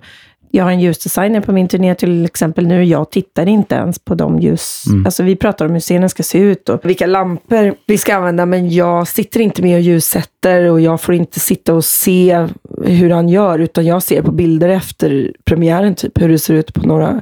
Så att jag är inte alls så där anal när det kommer till att skapare ska få skapa. Men det här mm. var ett gig vi gjorde och det var det första giget vi gjorde och det var också en tv-konsert. Mm. Så man har bara en chans på sig. Man har ingenting som kan utvecklas och bli något. Och jag tror jag hade en väldigt tydlig bild av vad jag ville att det skulle vara då. Utifrån att jag hade jobbat med den här plattan i ett och ett halvt år. Sådär. Så det där låter ungefär bara som att jag hade något som jag ville förmedla. Men ganska många gånger så, så låter jag folk eh, skapa. Mm. Mm. Även framförallt mina musiker. Alltså lyxen med att ha Vissa skivor jag har gjort har vi ju proddat i studion, det vill säga producenten har skapat soundet. Um, vissa gånger så har producenten och jag väldigt tydligt skapat soundet för att jag kommer och säger jag vill att det ska låta så här på det här sättet. Och andra gånger så tar vi in ett band och hela plattan är inspelad live. Och då, och då har jag ju oftast en ref, massa referenser, men jag har liksom det är, det är, väldigt fritt för alla att göra samma saker med mina kläder. Och ibland har jag supertydliga referenser. Jag vill göra exakt sån här klänning i det här tyget. Andra gånger så får jag ett tyg som någon visar och säger, gud vad fint, vad vill du mm. hitta på med det här? Däremot tycker jag mycket, men det är inte samma sak som att vara bestämd. Utan till exempel med ditt jobb så tycker jag mycket, men om du förklarar för mig så här, ah, nej så här kommer det fungera, jag behöver göra så här och så här och du behöver ha en sån mick för annars kommer det släppa igenom det här. Eller om du kommer till mig och säger, det här är dina tre alternativ. Det här innebär det här och det här och det här, i och med att du kan det här och inte jag. Då kan jag välja, men många gånger kommer jag bara säga, jag vet ingenting om det du gör, så välj du det som är bäst. Om jag dock inte känner dig, och det ska vi komma till apropå det du sa, om jag inte litar på folk. Jag räknar inte med att någon vet eller fattar hur jag fungerar. Så jag berättar hellre. Nej, jag tycker det är läskigt med mycket sånt där. Jag vill gärna ha det här. Jag är rädd för det här. Jag är dålig på det här. Eh, det besparar jag mig genom att säga innan eller säga, så därför vill jag att vi gör på det här sättet. Så, försöker jag, så transparent försöker jag vara. Spelar ingen roll om det är en ass som jag träffar i en TV, stor tv-produktion eller om det är en ljudtekniker. Att det första jag säger är, jag tycker om det här reverbet. Jag tycker om det här och det här. Det är för att liksom hjälpa alla på traven. Sluta gissa. Hur fan ska du veta mm. vad jag tycker om? Vi har mm. aldrig träffats förut. Hur ska jag veta vad du tycker om? Och då kanske du som ljudtekniker säger, som ljudtekniker har sagt till mig, ja, jag är inte jättestort fan av att köra sådär, men vi kan börja så här och så ser vi var vi hamnar. Eller, du kommer aldrig kunna uppnå det med den här mikrofonen vi har idag, så vi jobbar inte utifrån det. Och då har jag en mm. mycket bättre mm. förståelse för mm. vad jag ska förvänta mig.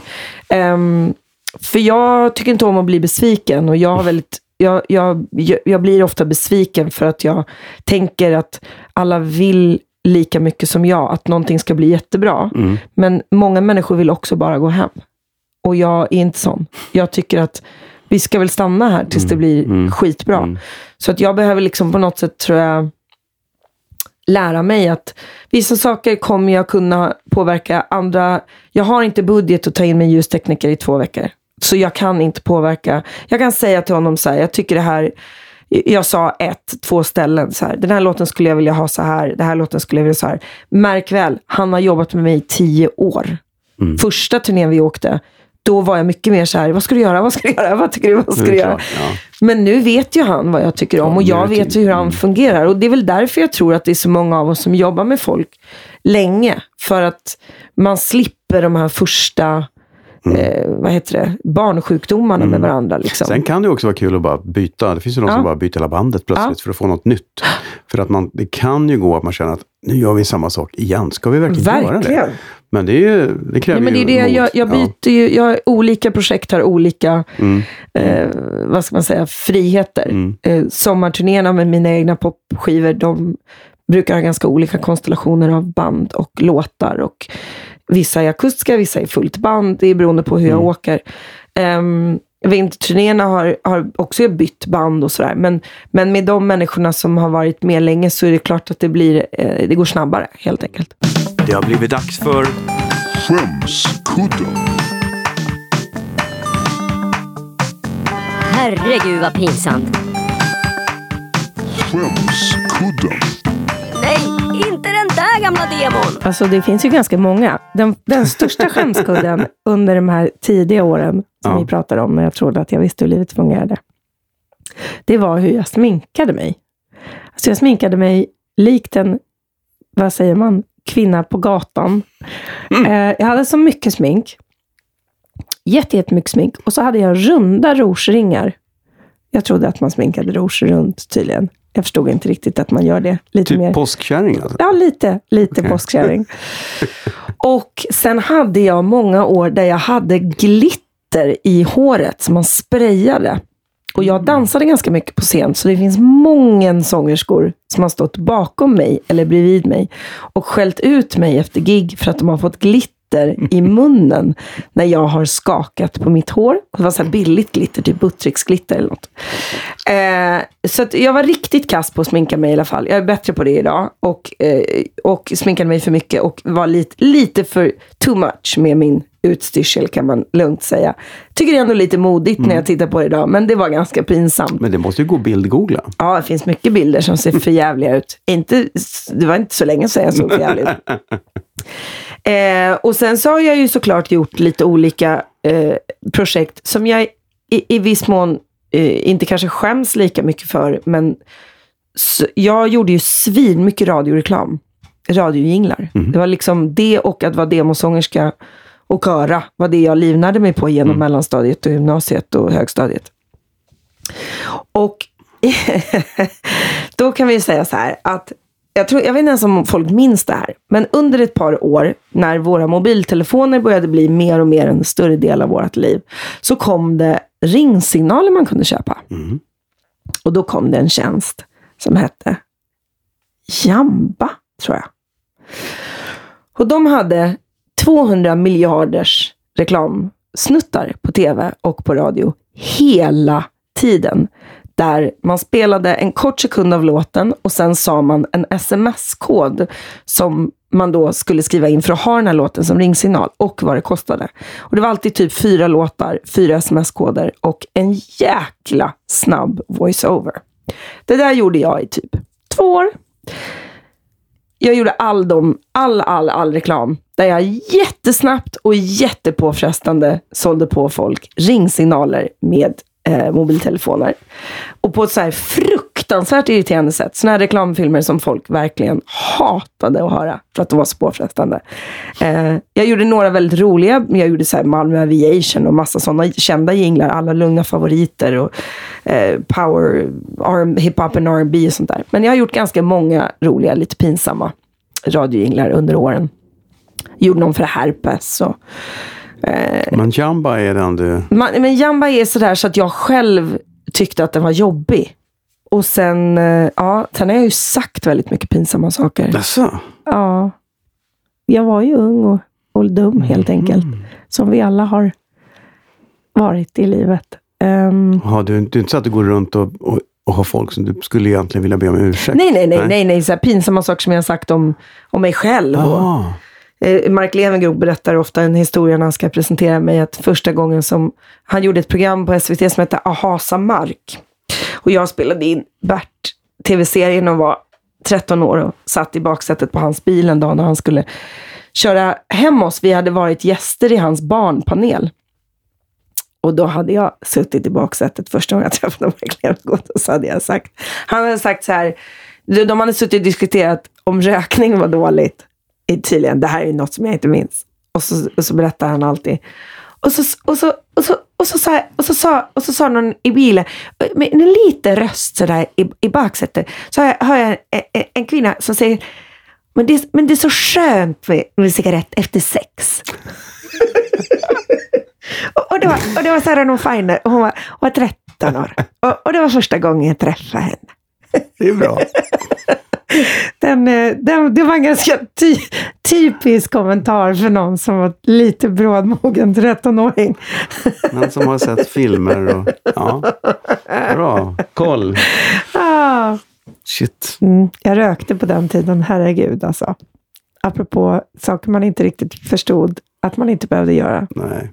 Men det gjorde väl flera. Så Ja. den historien tycker Ja. jag är ljuvlig. Men då, det är oftast människor som berättar såna här historier för mig, som jag har glömt såklart. Ja. Ja, men det var ju så mycket. För att man var så liten och man tänkte inte på att man inte kanske skulle säga så. Bastusnack. En, en kul grej du har gjort är ju mm, den, den här engelska underbara rapporten Linda Woodruff. Mm. Henne kan man prata i evigheter om egentligen, men vad jag är egentligen nyfiken på det är vad tycker engelsmännen om det? Och de tycker det är jätteroligt. Det är ju, det är ju Ja. därför hon är någon slags viral succé, när vi gör dem där på Eurovision. Det är därför hon ens fick vara med på Eurovision, för att utländska Eurovision-fans blev kär i henne. För att de vet ju inte om att hon inte är på riktigt. Det tog ju ganska lång tid. De trodde att, ja men det blir ju Det extra var ju, roligt. så, så det tog en, en bra stund och det är ju fortfarande så att folk inte vet att det är jag. Alltså att så här, under det året när, när jag gjorde Eurovision första gången och fick sjunga When it takes it all där i finalen, då hade vi haft Linda-sketcher i början av programmet. Och det var liksom en värsta Twitter-grejen. Att så här, Did you know that the girl who looked like Adele typ also is the same. Det var så, och även i Sverige är det fortfarande människor som inte vet att det är jag. Men ehm, nej, de tycker det är kul. Det, det är alltid det som jag tycker har varit eh, så udda. Att den där humorn har varit liksom på något sätt landsöverskridande. Mm. Särskilt i de länderna eh, där folk, alltså det roligaste och konstigaste är så här, Oh, hello, Sarah. My name is Manuel. I'm from Madrid, and I just want to say hello, Linda Woodruff. Hello, uh, moving on is my favorite song. Och man bara, hur vet du vem jag är? Hur, du vet, det, jag tycker det är så coolt. Google, ja. Eh, att de har blivit kära i henne. Liksom, Jättekul. du vet, portugisiska fans och spanska fans. Och, Hon kan ju få en helt separat karriär. Du kan Det är jättemånga som Men du har, säger gjort, du har det. inte gjort talkshows som henne? Jag alltså. har aldrig gjort någonting som Nej. henne. Jag har tackat nej till varenda företagsgig att, jag, att vara henne. Jag har blivit skrämd av så mycket människor som säger Åh, du vet, det måste vara rätt sammanhang och du får inte få feeling här och göra någon... Det, för det ena halvan av branschen säger, hur kan du inte ha gjort en talkshow eller en film eller en webbserie eller något? Och andra halvan säger så här, nej, nej, nej, nej, nej. Det kanske bara är kul i den här kontexten. Så jag har blivit rädd faktiskt och behållit mig själv i den kontexten och inte sagt ja till någonting annat. Tänk om Sacha Baron Cohen hade tänkt så. Men tråkigt världen skulle Ja, vara. det är sant. Men han är smartare än vad jag är, tror jag. Nej, men det handlar väl om manus? Ja, Ja. ja, både och. Alltså, mycket av det där är ju improviserat och mycket av det sitter också i, i, i klippning.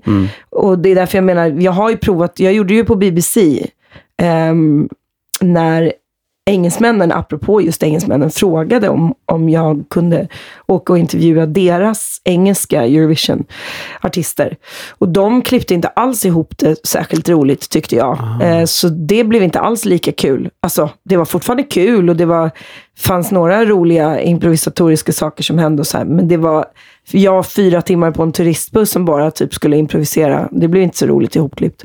Um, så det, är klart att det måste handla om att sketcherna får inte vara för långa och Nej. det måste finnas en kontext och sådär. Men återigen, det är samma sak. Du måste ha kontroll på hela processen. Ja, eller inte ja. men det måste finnas samma vision om vad den här karaktären ska, vad som är roligt med, med henne. Och det lyckas ju inte alltid vi med, men ibland har vi ju lyckats jättebra med det. Eh, när det inte ens har på pappret varit något som vi trodde skulle vara så kul, utan det dyker Men när du upp. säger ni, är det, är det du och Edvard? Eller? Ja. Edvard Silén. Ja, För det, är det är våran ja, bebis det är liksom. grej, Det är, ja. det är våran idé och det är våra tankar. Och, så har ha, och Daniel har också varit med och skrivit. Mm. Eh, men mycket kommer ju när vi står där. Framförallt jättemycket av det som jag säger fel eller Mm. som jag eh, liksom... Plus att vissa saker... Jag, jag, tycker, alltså jag har vissa saker som jag själv tycker är det roligaste. Och mycket av det kom ganska fritt. Hela den här Mm. grejen med, med midsommar och jul. Och, Ja. Den är väldigt friskapad i ett lunchrum på SVT på liksom 45 minuter, du vet. Men det är också så här, jag har inte jätte... Jag har, jag, har, eh, jag, jag tycker jag har ett ganska bra öra för humor. Jag älskar humor. Jag tittar skitmycket på humor. Men i det här fallet så är det Edvard som klipper det. Och eh, han väljer ju liksom. Vad var det som var kul? Och skrattar han, då är jag rolig. Och skrattar han inte, då gör jag det igen, typ. Och sen, och sen har jag ju, med henne har jag ju ett magiskt minne. mm, på Eurovision 2016 när jag fick göra henne live. Jag har aldrig gjort henne Mm. live innan dess. Och Justin Timberlake uppträdde och jag står bakom scen bredvid Lordi som ska precis upp och göra en mellanakt. Eller som precis har gjort en mellanakt. Först var det Petra och Måns gjorde det här fantastiska numret som hette Love, Love, Peace, Peace med otroligt mycket roliga karaktärer. Sen kom Justin Timberlake och sen kom jag, tror jag det var. Eller tvärtom kanske, who cares. Vi var mycket udda människor backstage kan man säga. Och, och jag kände också, vad, vad deppigt att första gången jag träffade Justin Timberlake så ska jag se ut så här. Det är också ångest. Eh, men men eh, jag står och dansar med min mamma som är utklädd till en rysk babuska som hon spelar i det här stora numret. Love, love, peace, peace. Och vi har repat och jag har till och med repat med publik ju på kvällen innan. Och jag har två och en halv minut och vi har klippt och klippt och klippt och klippt. Och du vet, vi, har, vi började med fyra minuter och sen fick vi mindre och mindre. Och det är direktsänt. Och direktsänt är direktsänt och Eurovision, där kan man ha helt plötsligt något land som har tagit för lång tid på sig att ge röster och det hela sändningen, du vet. Och jag springer in igenom publikhavet och ska dyka upp på scenen och höra det här vrålet av publiken som var helt magiskt såklart. Bara det att Eurovision-fans visste vem hon var var ju så roligt så man orkade inte. Och sen så hör jag producenten i mitt öra säga vi måste klippa en och en halv minut typ. Du har 45 sekunder på dig. Och jag hade, och jag hade material i huvudet för två och en halv minut typ. Nej men något sånt var det. det var, jag tror vi hade en och en halv minut slut och jag fick göra det i 45 sekunder. Det var svinkort i alla fall. Och sen måste vi gå på reklam. Och i och med att vi i Sverige inte gick på reklam, men många av länderna i Europa gick på reklam, så ville inte vi att, att vi skulle gå på reklam mitt i min sketch. Ja, så jag, alltså jag, jag speedar så mycket va. Om man tittar på det där så är det ju liksom så här, alright, so basically, yeah. Alltså alla skämten är liksom så här, jag vill bara få ur dem. Jag vill inte att någon ska skratta så att de, så att alla garv, jag mör, mördar alla garv. Och, och sen var jag bara glad att jag lyckades få säga Viagra. För det var ett utav skämten och jag tänkte, vad deppigt om jag stryks och så hör man inte att jag sa Viagra, för jag tyckte det var lite modigt att vi gjorde det. Men jo, nej, det, jag hade aldrig trott i mitt liv att jag hade haft Eurovision-fans efter mig för att jag spelar en, en, en konstig engelsk tant. Men om du tittar framåt, för du har ju så mycket att välja på. Programlederi och sång, skådespeleri, teater, kanske film, alltså sånt. Om du, om du känner, det här vill jag, här vill jag göra. Vad, vad, vad, vad känner du då? Oj, så mycket. Hej, vill du vara med i nya Hamilton-filmen? Vill Nej, det är så mycket va. Eh, jag hade en, en, en roll som jag jobbade med i sju år att få göra som inte nu blir av. Och det var typ mitt fokus i många år. Och eh, jag vet inte riktigt vad, vad den landar, men det har i alla fall landat i att det inte blir nu. Och då har jag behövt skifta om lite. Ehm, men jag vill hemskt gärna skriva en ny skiva.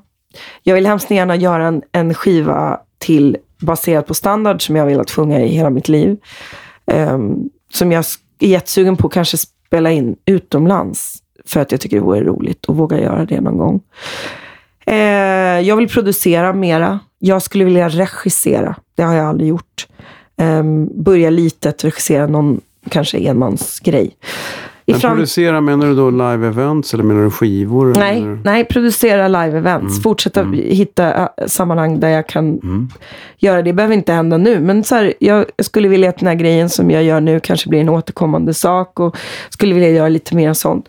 Jag vill absolut skådespela mera i, i film och tv, men jag, jag har ganska mycket ehm, musik som jag känner eh, skulle behöva komma ut ur min kropp. Alltså jag skulle behöva släppa loss lite av mycket av den här skiten jag gått runt och haft. Men det är ju bra, det är ju härligt. Då har vi någonting att se fram emot. Ja, jag ju- hoppas det. Men det, det tar tid med Ja. musiken. Det är svårare än vad det var innan man fick barn att avsätta den Ja. tiden som jag vanligtvis är van att ge en platta. Liksom. Jag är van att ge det ett halvår, ett år av mitt liv och inte göra tusen andra projekt samtidigt. Och så är det inte riktigt så nu. Nej, det är bara att mörsa på. Det får väl ta tid. då. Det är väl ingen Ja, bråttom. det kommer när det kommer. Men och sen så i framtiden såklart så vill jag också göra det där som du har jobbat med i 20 år, någon slags egen föreställning. Mm. Ehm, där jag får hitta alla de här sidorna av mig själv och, och de får komma ut. För på konserterna, också i och med att jag är väldigt specifik, så här, mina poplåtar är på vissa konserter, mina vinterlåtar är på vissa konserter. Sen Mm. programleder man, då har man ju ganska mycket restriktioner. Så någonstans någon gång Sätta så ihop. skulle jag vilja sätta ihop alla mina psykade sidor och, eh, och, och visa dem. Men, men jag tror att till skillnad från så många andra artister som vi jobbar med, som är yngre och gör det här nu med bravur, så känns det nog som att där också, precis som i min första platta, jag vill inte göra det bara för att jag kan. Jag vill göra det när jag verkligen känner att det är liksom Men rätt. Ju längre du väntar, desto mer material får du ju. Ja, det är lite så jag Mm. Det är känner. skitkul, Man måste är- göra lite mer... mm, Jag vet kommer- inte. jag kommer ihåg när Peter gjorde en show på Börsen som handlade om hans liv bitvis. Han säger, ja, när jag gjorde den här låten i West End. Ja, just det. Förra hösten, ja. Det är liksom, för han var 27. Ja. Nu var det en jävligt kul show ändå. Nej, men sen det kan man göra som, Dan, man som Danny har gjort till Ja, exempel, så kan ja. man ju göra låtar där man inte pratar om ens, en, ens liv. Absolut. Så det behöver ju inte vara en karriärs... Och jag tror att jag Nej. skulle vilja under livet få göra olika sorters föreställningar Mm, som inte behöver vara någon slags tidsaspekt, utan en kan vara en ren humormonolog. Jag har varit lite sugen på att testa stand-up faktiskt. Mm. Eh, så, så det tror jag kanske jag ska våga mig på. Gjort. Det, ah, där om något så sätts väl självförtroende på prov. Man kliver ut Ja. och det är tyst. Ja, jag vet. Du kan inte rädda det med gitarrsolo. Liksom. Inte ens lite. Men samtidigt så vore det också väldigt behagligt att få, få dra ett skämt och inte börja sjunga någon sorglig sång Nej. efteråt. Som jag alltid behöver göra. Eh, utan faktiskt Ja. bara få prova. Eller ta in det som en del av... Jag vet inte. Mm. Jag tycker om att göra saker som är läskiga för jag växer mycket då. Och jag mm, vågar inte alltid göra det. Så när jag vågar göra det så, så tycker jag, shit vad mäktigt att jag vågade det där. Jag har Men, ändå men stått... om, vi, om vi vänder på hela på kakan då. Vad vill du inte Vad är det göra? du inte vill göra mer? Jag vill inte må så här dåligt som jag har mått så himla många år. Så Nej, det vill jag, vill, jag vill verkligen inte göra det. Jag har mått så jävla dåligt. Och förra året var typ det värsta av många, många år. Så jag vill inte må så dåligt. Och då tror jag att det är mycket saker till där som man får, eh, får hitta roligare sätt att göra saker på Mm. bara. Skapa sammanhang som kanske inte finns, men som jag skulle vilja vara med i på sätt, bara för att jag vill att de ska finnas. Så att de är lite mer lustdrivna. Och eh, alltså, det kommer vara olika perioder i livet som är svårt. Men det är, det är tungt att ha det här jobbet och ge så mycket av sig själv som jag vill göra, som jag gör på scen hela tiden, när man inte mår bra. Det är piss alltså. Det är skitsvårt. Så att det tar ännu mera att stå kväll efter kväll och, och, och ge allt man har när man blir jävligt tom efteråt. För att det kräver, och jag har haft ett tungt år. Jag har mått dåligt i mig själv, haft jättemycket eh, liksom issues med mig. Men jag har också haft jättetungt, alltså folk har dött och blivit sjuka. Mm. Och då är det inget kul att stå på scen. Men blir det bättre nu då? Jag vet inte. Jag hoppas det. Det är lättare i alla fall när... Eh, det är lättare när jag har liksom... Jag har förhoppning om att det finns ett annat sätt att göra saker på. Alltså i livet i stort. Att det finns en lite lättare känsla Mm. än att gå upp varje morgon och ha ångest. Liksom. Ehm, jag tror bara att jag måste komma dit. Och det, jag, jag vet att det går för andra människor. Jag vet att jag har haft perioder när det går. Mm. Men det är lite som att mitt liv går i cykler. Jag har så här fyra tunga år och sen har jag några lite lättare år. Och, och det, är väl, det är lite som när man tittar på ens unge och man ser att de har växtverk. Mm. Jag har haft mycket växtverk den här tiden. Att kombinera den jag är med att få jättemycket barn och en familj och ha ett, en, en livskris och vilja också ha det här yrket. Det har varit tungt i några år. Och jag har liksom, eh, det är bara att göra tills det inte är tungt längre. Alltså det här musikalprojektet som jag gjorde, när jag satt, hur trött jag än var, när jag satt på nätterna och gjorde research eller när jag satt i New York och väntade på någon stor pampig snubbe som jag skulle intervjua. Det var så jävla kul att intervjua folk. Det var så otroligt mäktigt att få fråga människor saker och, och och så här creep into their brain. De här briljanta konstnärerna som jag fick träffa. Men jag tror att det blev så bra för att du är en nörd. Det, Ja. Att det är ju ditt ämne. Där har, Ja. du, där har du tillbaks allt det där. För att det där hade ingen nöjesjournalist kunnat ha gjort. För du mötte ju dem på samma plan. Ja, de tyckte det var kul att prata med mig det också. var så för jag, uppenbart. Det ja, om ni inte har sett det, finns den på typ... Nej. Den finns inte rättighetsmässigt är den borta. Men, ah, Nej. vad synd. men den kanske kommer tillbaka i höst eller något. De, de gör ju sådär ibland att helt plötsligt Ja, dyker de upp ja. på play. Men, men det jag menar med det är att när, jag vet att när jag hittar rätt projekt där jag känner att jag kommer till min rätt. Och det spelar ingen roll vad det är för ämne, för jag är nörd inom... Jag hade, jag hade gärna gjort det där med Motown kan jag säga. Men, men eh, då mår jag skitbra. För att jag har så jävla kul. Så att jag, jag tror att jag bara måste plocka ur mig själv ur ekvationen ett par gånger. När jag själv inte riktigt eh, pallar. Att också vara artist i allt det där. För att jag tycker det är så kul att vara kreativ. Så att, det, jag vet inte. Det var, hade du frågat mig idag, igår hade jag kanske svarat annorlunda. Idag är jag lite skör. Så idag var det Ja. mitt svar. Att du går in i det här nya livet relationsmässigt som du har gjort. Med allt vad det innebär med bonusbarn och grejer. Mm. Och ett eget i det samtidigt. Är väldigt eh, beundransvärt Mm. och modigt. Vad hade hänt om det inte hade hänt? Var det någonting som, som, som räddade upp och stoppade upp? Um, jag hade en bild i, i många år av att det skulle läka något i mig uh, att få barn. Jag tror många människor som har varit ledsna mycket tror att om jag åstadkommer det här så kommer det läka något i mig.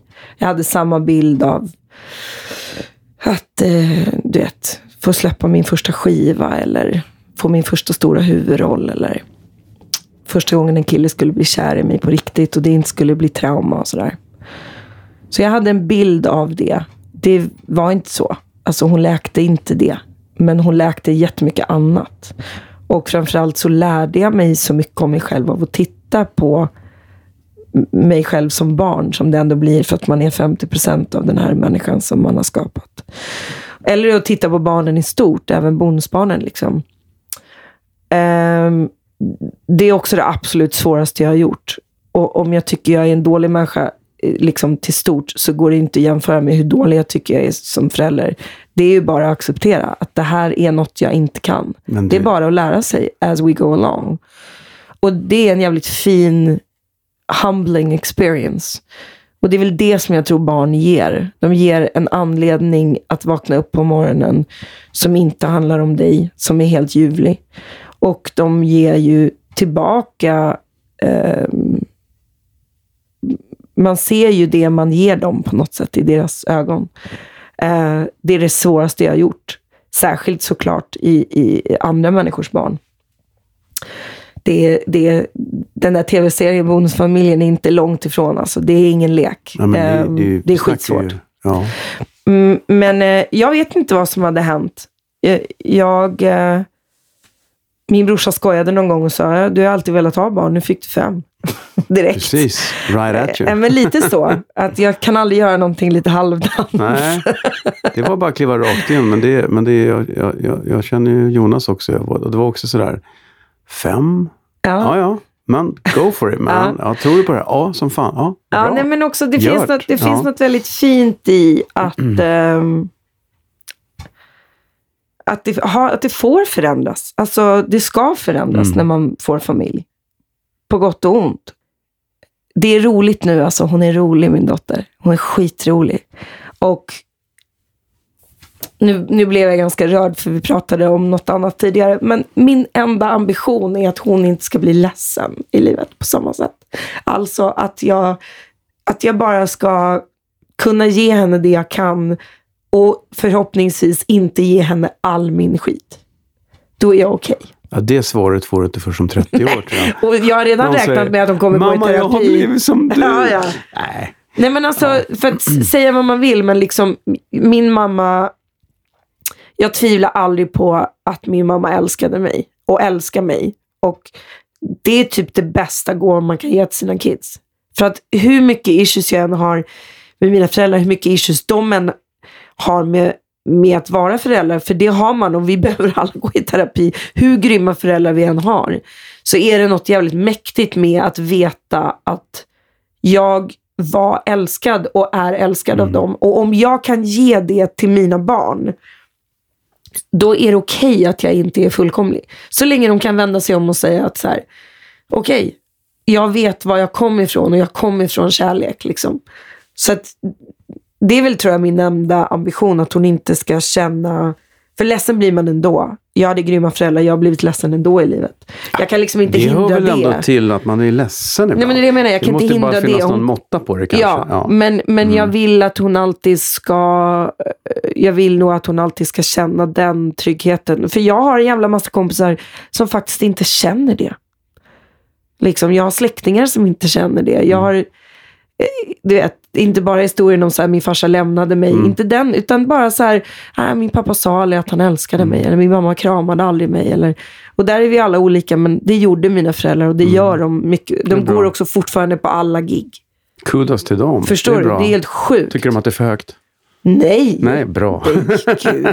Inte Nej, dina alls. gig, det är inte riktigt Nej, det. mina Nej. föräldrar, de Nej. tycker inte, de är ju De är fortfarande hippies. sist på festen. precis. Helt sjukt, de är fortfarande sist på Bra. festen. De var ju kollade, de var till exempel och kollade på Alcazar och tyckte det var helt otroligt att människor inte dansade mer efteråt. De stannade, du vet, det var ju en onsdag eller torsdag eller någonting. Och folk, du vet, vi har alltid fest på Alcazar, men på helgerna var det ju mer. Ja. Mamma och pappa är så här, oh my god, but the music was so good. Nej, de är ju fantastiska. De är bra. knäckande Det är så verkligen. man vill bli själv. Ehm, ja, som vill Ja, man bli. Alltså, att, verkligen. att titta på två människor som fortfarande är kära Ja.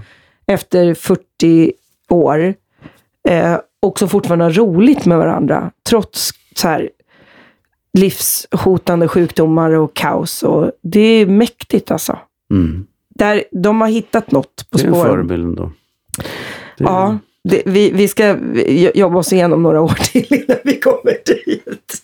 Jag vet Det är inte fan. Det är en platta till. Ja. Du, jag kom på en grej Ja. som du inte har gjort. Eller har du gjort? Nej, jag har säkert inte gjort det. Ni har ju aldrig funderat på att sätta upp en syskongrupp. Nej, vi skulle inte komma överens. Ehm, Jag har jobbat men mycket det är ju med min... ganska känt bland de här syskongrupperna att det är mycket bråk. Ja. Det är ju ingen ursäkt. Nej, men jag har jobbat ganska mycket med min bror ju. Jo, men med, med Men- Zoe också. Alltså, men Zoe, Zoe har jag ju... Vi har, vi har sjungit ihop några få gånger. Vi sjöng ihop på Rennys releasekonsert. Och det var jättefint. Och sen har jag och Zoe haft konsert ihop och Renny och Zoe haft konsert ihop och jag och Renny haft konsert ihop. Men eh, nej, vi skulle inte komma så bra Inte. överens tror Okej. jag. Men, men jag, ska, jag kan säga att, vi, att, du, har- att du har sagt det. Mm, gör det. Eh, så kan vi göra det igen. Vi gör det. Jag kommer. Ja, En, gör en det. biljett såld. Ja. Nej, hon, det är roligt, jag och min syra, vi har ju, eh, vi är biologiska syskon, vi har ju exakt samma röst. Alltså, om du ringer till henne så hör du inte att det är, är hon. Och vi gjorde en konsert för några år sedan eh, på Berwaldhallen med en så här Beatles tributekonsert. Eh, och båda två var solister och jag kommer ihåg vi skulle göra någon, tror att det var Eleanor Rigby eller någonting. Och så började hon sjunga och sen började jag sjunga. Och så till och med jag kände så här, helvete, är det jag eller du som sjunger? Och du vet när man sätter stämmer på varandra och man bara, det här är så sjukt, jag vet inte vad jag sjunger för jag hör min egen röst två gånger. Det är så udda. Men vårt tal är mest udda. Vi låter, vi har ju diametralt olika personligheter. Vi är liksom inte ens lite samma människa. Vi tycker inte lika om någonting. Men vi låter som exakt samma människa när vi tycker olika. Ni är ju en tv-serie. inte det roligt? Nej, den skulle jag aldrig släppa ut. Hur vuxen man än blir så bråkar man ändå med sina Ja. syskon.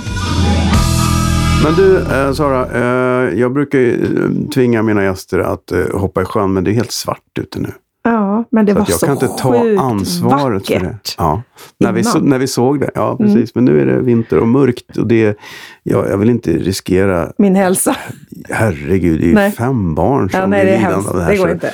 Vi, vi får ta det när det är ljusare helt Ja. enkelt, tycker jag. Men, men jag är Det hemskt blir glad att du ljusare kom. igen. Ja, precis. Men eh, ja, vad kul att ha dig här. Det var jättekul Ja, att komma hit.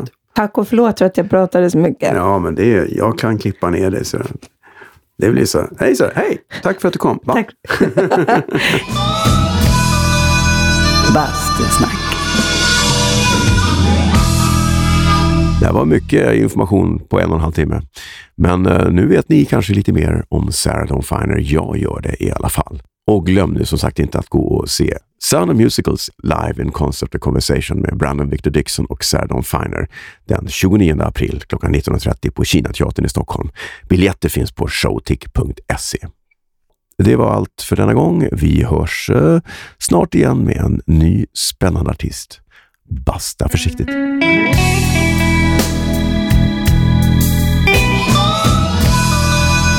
Bastusnack.